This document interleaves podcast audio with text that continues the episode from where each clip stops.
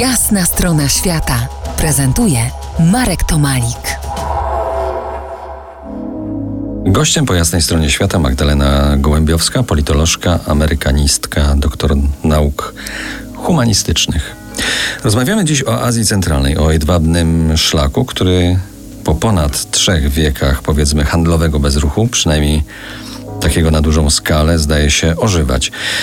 Czy takie były Twoje obserwacje z podróży tą trasą w zeszłym roku? Tak, e, zdecydowanie tak. Ja chciałam zobaczyć jedwabny szlak żywy, to znaczy jak żyją ludzie w krainach tak bezludnych jak na przykład Tadżykistan czy Kirgistan, gdzie to rozproszenie e, osad ludzkich jest duże.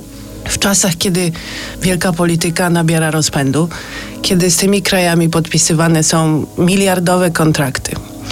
Faktycznie w 2013 roku e, przewodniczący e, chińskiej partii komunistycznej oświadczył, że strategią Chin będzie ożywienie jedwabnego szlaku. Oświadczył to w Kazachstanie. Zaprosił do tego projektu Rosjan, ale nie wyznaczył tym Rosjanom jakiejś szczególnej roli, w związku z czym Rosjanie zapewnili o zrozumieniu i przyjaźni i tyle. I teraz faktycznie dzieje się to na naszych oczach i ten cały zacofany ogromnie cywilizacyjnie obszar się zmienia. Gwałtownie. Jak na to, że ten czas się tam zatrzymał i, i, i stał przez 100 lat przynajmniej, to tak, to gwałtownie. Powstają nowe drogi, miasta, stolice rozwijają się absolutnie nieproporcjonalnie do tego, jak wygląda prowincja. Pewnie niektórzy się bardzo bogacą, nie pozostają w tym miejscu, w którym byli, bo nie są przygotowani na, e, na takie zmiany. Chiny nazywają ten szlak nowym jedwabnym szlakiem, znanym też jako inicjatywa pasa szlaku. No, Chiny mają tą strategię nie tylko w zakresie lądowym, ale także Chiny myśl, myślą totalnie, myślą strategicznie. Także ten jedwabny I długofalowo. Szlak, I długofalowo.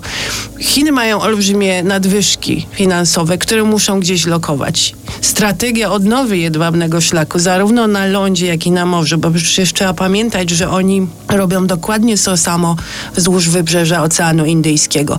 I nie są to dwie oddzielne inicjatywy, tylko jest to ta sama inicjatywa, czyli szlaki lądowe mają prowadzić do nowoczesnych, zaawansowanych portów morskich. Od Sri Lanki aż po Afrykę. To trzeba zrozumieć, patrząc na Karakorum Highway, patrząc na zmieniany, e, unowocześniany Pamir Highway, że te drogi nie prowadzą donikąd. One nam, jak jedziemy tam na rowerze czy samochodem, wydają się drogami na końcu świata, drogami, które nas prowadzą od jednej starej, starożytnej osady jedwabnego szlaku do drugiej. A one prowadzą do wielkich portów, które mają połączyć Chiny ze światem.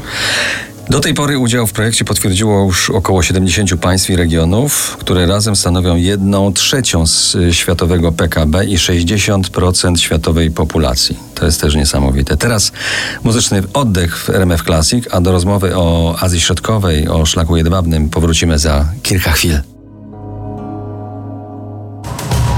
To jest jasna strona świata w RMF Classic.